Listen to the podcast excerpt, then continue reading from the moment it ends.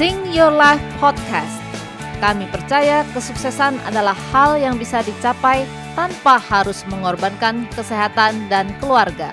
Kami percaya sukses bisa dicapai secara holistis. Mari belajar bersama di Sing Your Life. Dan inilah host kita, Agus Setiawan. Alright, halo semuanya, selamat datang di Sing Your Life.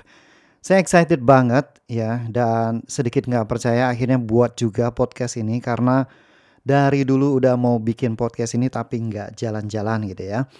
So, uh, dalam episode pertama ini kita akan memperkenalkan, oke, okay, memperkenalkan podcast Sing Your Life, memperkenalkan diri saya dan kita akan sama-sama belajar dalam perjalanan Sing our life ini. Oke. Okay? So first of all, siapa saya? Saya Agus Setiawan. Oke. Okay. Um, bisa dibilang saya adalah seorang pembelajar. Ya, saya saya mendalami diri saya untuk mempelajari berbagai hal yang mendukung goal-goal saya. Dan dalam proses pembelajaran itu saya menulis buku karena itu merupakan solusi yang saya dapatkan dari proses saya mencari jawaban atas permasalahan saya. Oke. Okay? Karena dulu saya adalah seorang hobi baca buku yang beralih menjadi hobi pembeli buku. Jadi selalu beli buku, beli buku numpuk tak terbaca dan solusi yang saya dapatkan adalah bagaimana brain based learning bisa membantu saya menuntaskan buku dengan pemahaman tinggi dalam waktu yang sangat singkat. Oke, kemudian saya menulis buku Baca Kilat dan mengajarkan baca kilat sejak tahun 2009 sampai saat ini. Oke. Bukunya sendiri terbit setelah beberapa angkatan saya mengajar, yaitu tahun 2010. Oke, okay? dan saya menulis empat buku so far, uh, Baca Kilat, kemudian uh, The Art of Reading, kemudian Baca Kilat for Student, dan update terbaru Baca Kilat 3.0. Proses saya mengajar ini bukan hal yang baru buat saya karena uh, mengajar adalah sesuatu yang sangat passionate saya lakukan.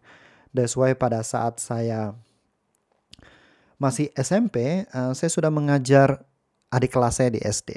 SMA saya mengajar adik kelas saya di SMP dan seterusnya pada saat saya lulus SMA saya juga mengawali karir saya sebagai guru matematika, fisika, kimia.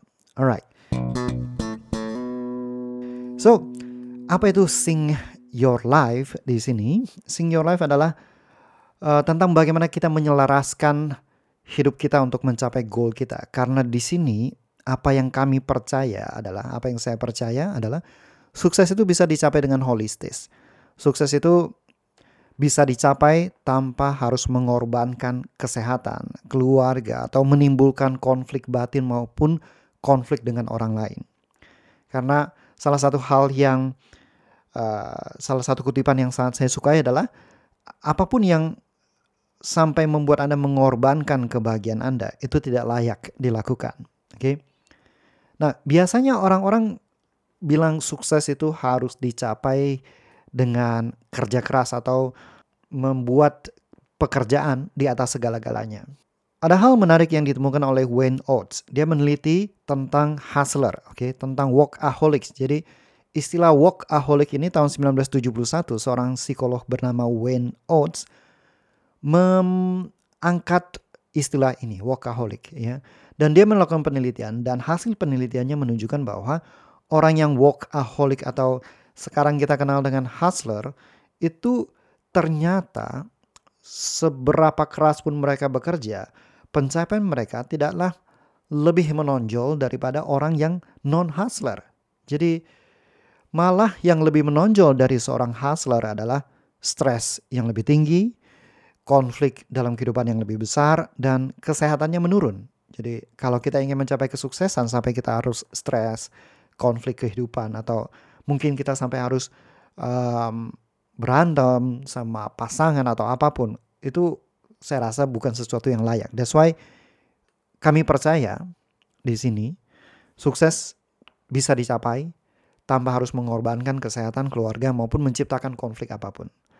Nah, dalam buku Remote yang ditulis oleh David Hennemeyer Hansen, David adalah pendiri dari aplikasi Basecamp ya dan dia menulis buku Remote. Nah, pertama kali saya tahu tentang Hansen ini saya membaca buku Company of One.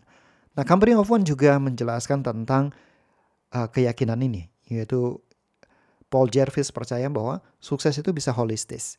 Sukses itu bisa disistemasi sehingga kita bisa melakukan hal yang benar-benar esensial dan kita tetap bisa menikmati hidup, kita punya waktu untuk keluarga, kita punya waktu untuk istirahat yang cukup, kita punya waktu untuk uh, kesehatan kita.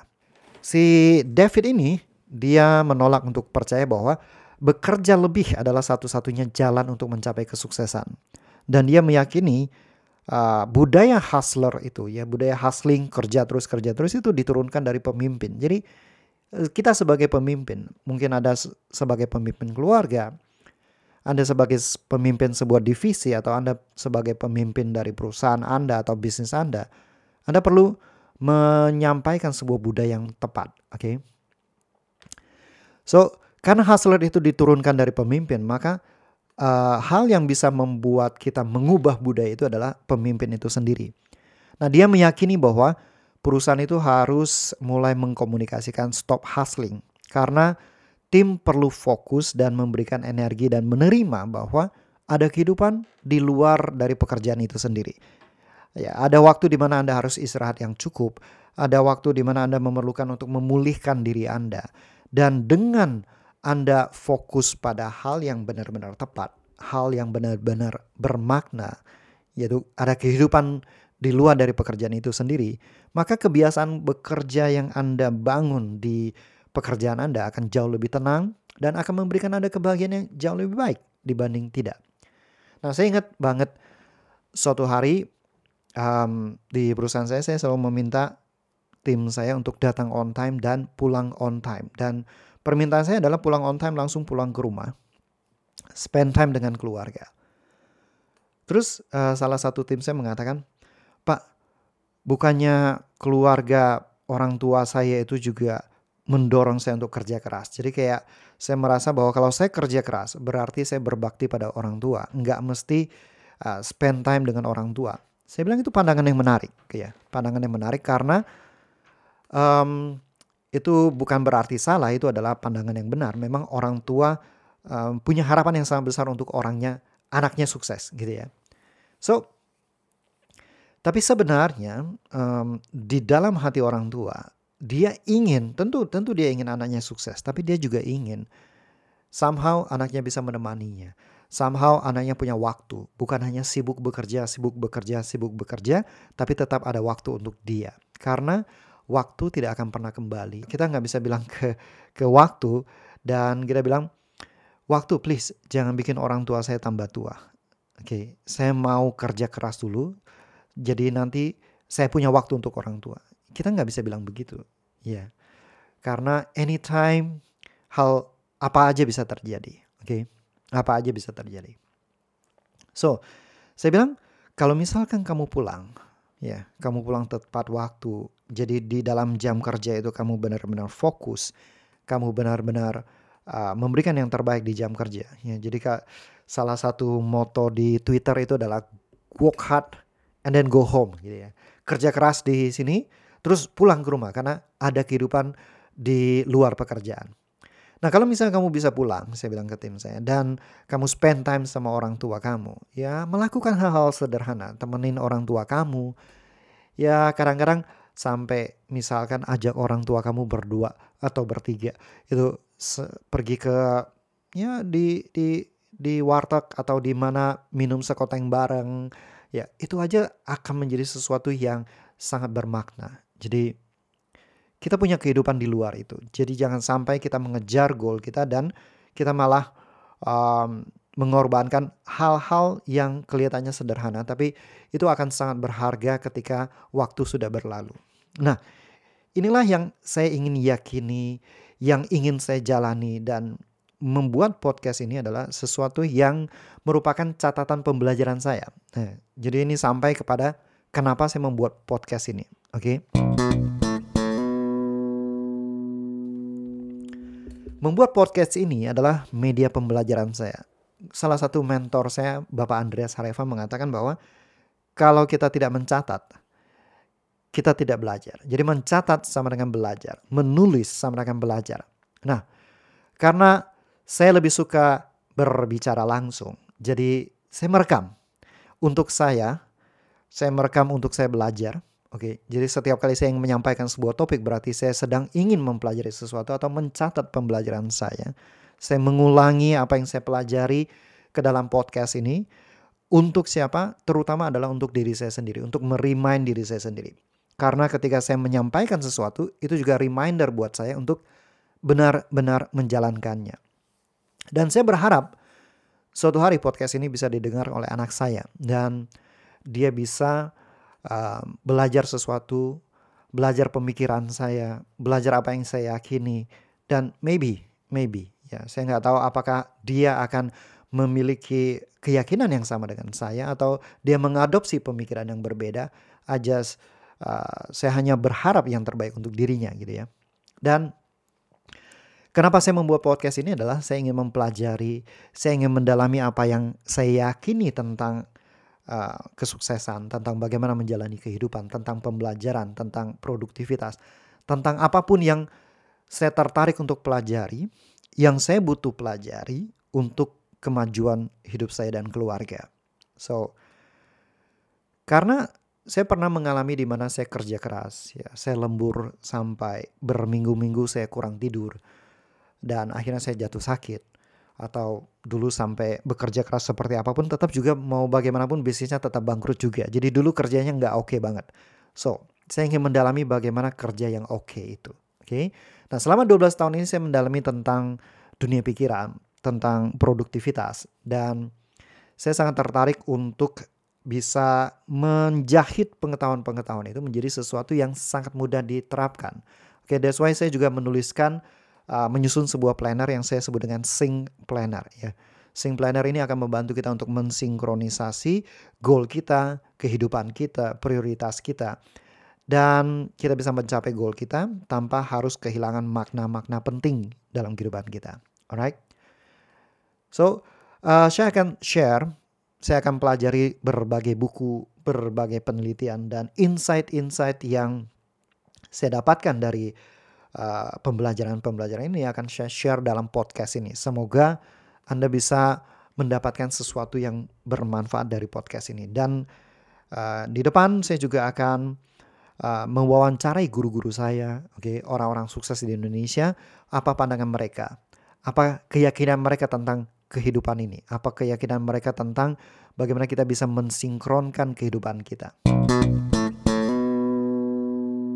Dalam episode pembukaan ini, introduction ini, saya ingin sedikit bercerita tentang uh, apa yang saya pelajari dari buku Principle Ray Dalio. Ya.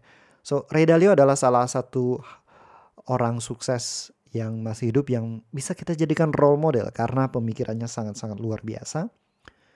Dan dia adalah orang sukses yang bisa dibilang sangat-sangat holistis, artinya dia tetap punya waktu untuk keluarganya, Bahkan waktu dia membangun perusahaan juga dia tidak uh, dia tidak memisahkan keluarga dan perusahaannya. Dia tetap bekerja bersama dan punya waktu untuk uh, keluarganya dan itu adalah sesuatu yang inspiratif dan di usia dia sekarang ini dia sudah berpikir untuk uh, menurunkan kepemimpinannya kepada orang lain bisa mem, uh, membuat Bridgewater sukses tanpa dirinya lagi dan dia tetap bisa fokus pada hal-hal yang bermakna dalam kehidupannya. Oke. Okay?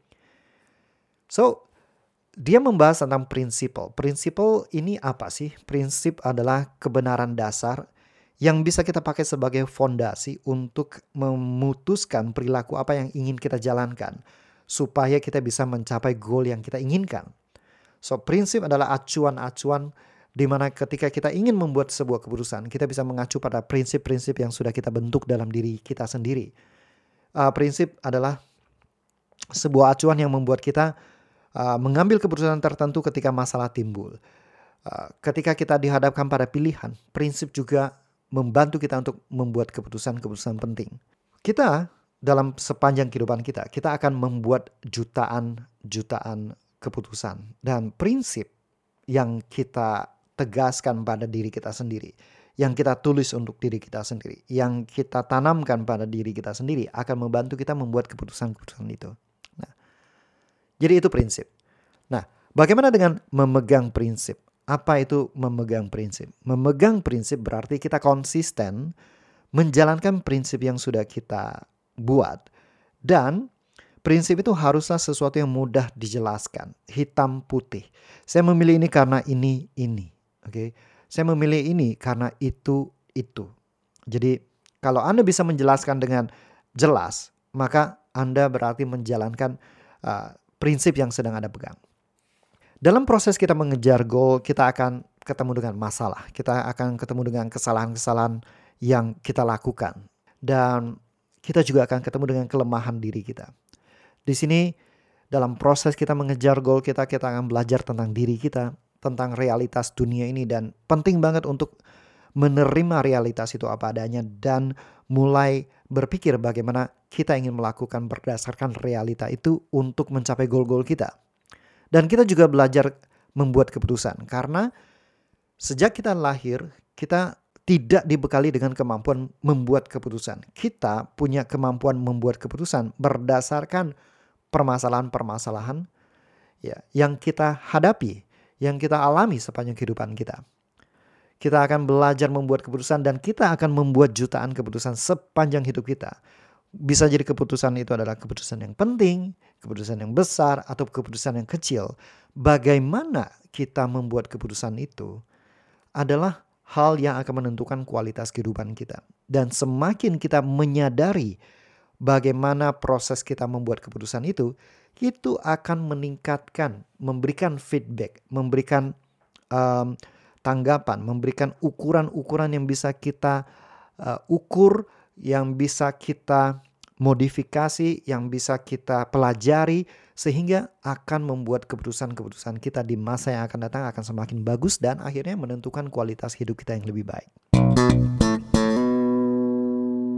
Satu hal yang uh, menarik dari buku Prinsipal adalah di uh, Ray Dalio meminta kita untuk membangun prinsip kita sendiri. Dari buku Prinsipalnya Ray Dalio ini bisa kita simpulkan kita bisa aja mengadopsi prinsipnya which is fine ya. Yeah. Which is fine yang mana Anda boleh melakukan itu. Namun dia juga men-encourage kita untuk membentuk prinsip kita sendiri, membangun prinsip kita sendiri. Memang prinsip itu dibangun karena kita mengkategorisasi, mengeneralisasi proses-proses kehidupan yang sering kali itu lagi dan itu lagi dan itu lagi sehingga kita bisa menggunakan prinsip yang sama terus-menerus untuk mengambil keputusan-keputusan itu. Namun, perjalanan kita, goal kita, nilai yang kita adopsi pada diri kita, sifat alami yang ada dalam diri kita itu pasti berbeda-beda karena kita adalah orang yang unik. Jadi, dia menyarankan kita untuk membangun prinsip. Nah, di dalam Sing Your Life ini, kita yakin bahwa sukses itu bisa dicapai tanpa harus bekerja keras, membanting tulang, sampai mengorbankan waktu untuk keluarga, waktu untuk kesehatan, waktu untuk tidur, dan lain-lain. Itu adalah uh, tidak benar. Yang kita yakini adalah sukses bisa dicapai dengan pendekatan yang tepat, sukses bisa dicapai dengan kebahagiaan, sukses dicapai bisa dicapai dengan uh, proses yang kita nikmati tanpa harus meninggalkan keluarga. Oke. Okay? Nah, dari apa yang kita yakini ini, kita akan menemukan prinsip-prinsip. Kita akan belajar tentang prinsip-prinsip apa yang bisa kita temukan yang mendukung keyakinan-keyakinan kita dan uh, kita menjalani itu. Karena prinsip pertama dari Ray Dalio adalah kita perlu pikirkan sendiri apa yang kita inginkan. Oke. Okay? Kita perlu pikirkan sendiri apa yang kita benar-benar inginkan, itu yang pertama. Dan yang kedua, kita perlu pikirkan sendiri apa yang benar menurut kita. Oke. Okay?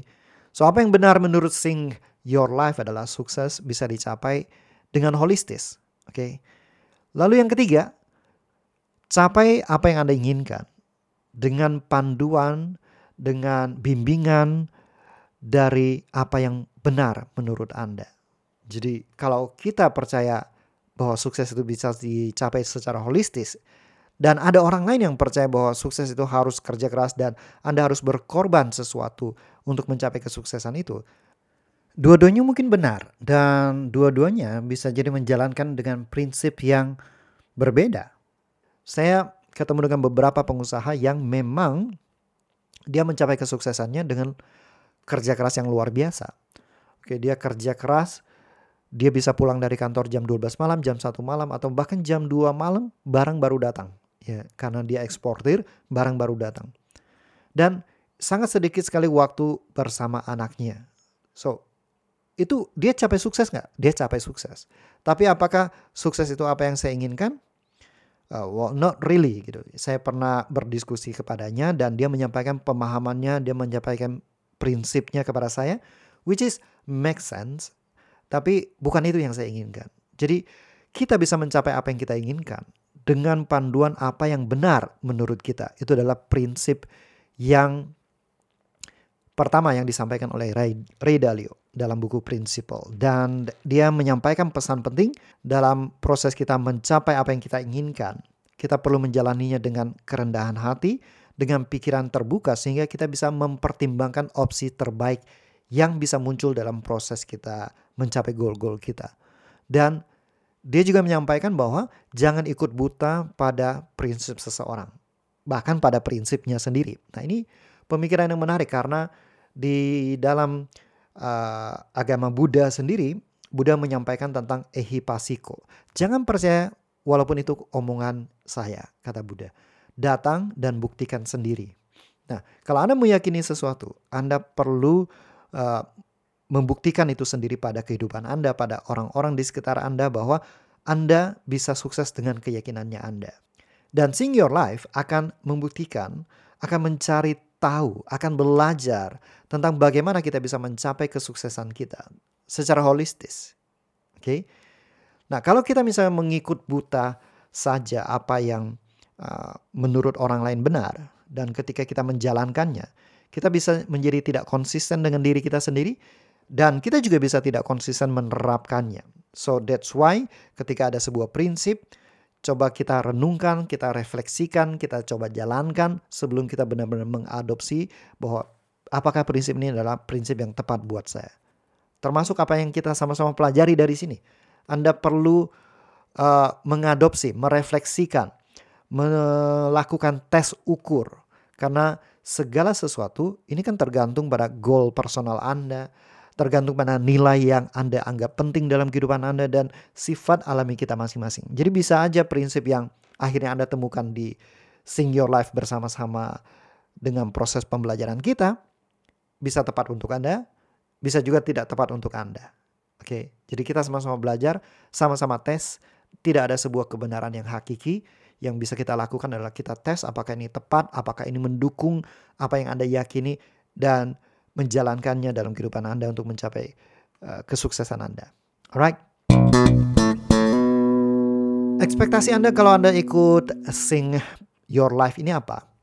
Anda bisa ikut buku-buku yang saya baca, catatan insight yang saya pelajari dari, dari buku-buku yang mendukung dan relevan buat kurikulum mandiri saya dalam mencapai goal-goal saya. Dan juga Anda bisa ikut pemikiran yang ingin saya sampaikan kepada anak saya. Jadi Well, somehow kita ingin yang terbaik untuk anak-anak kita.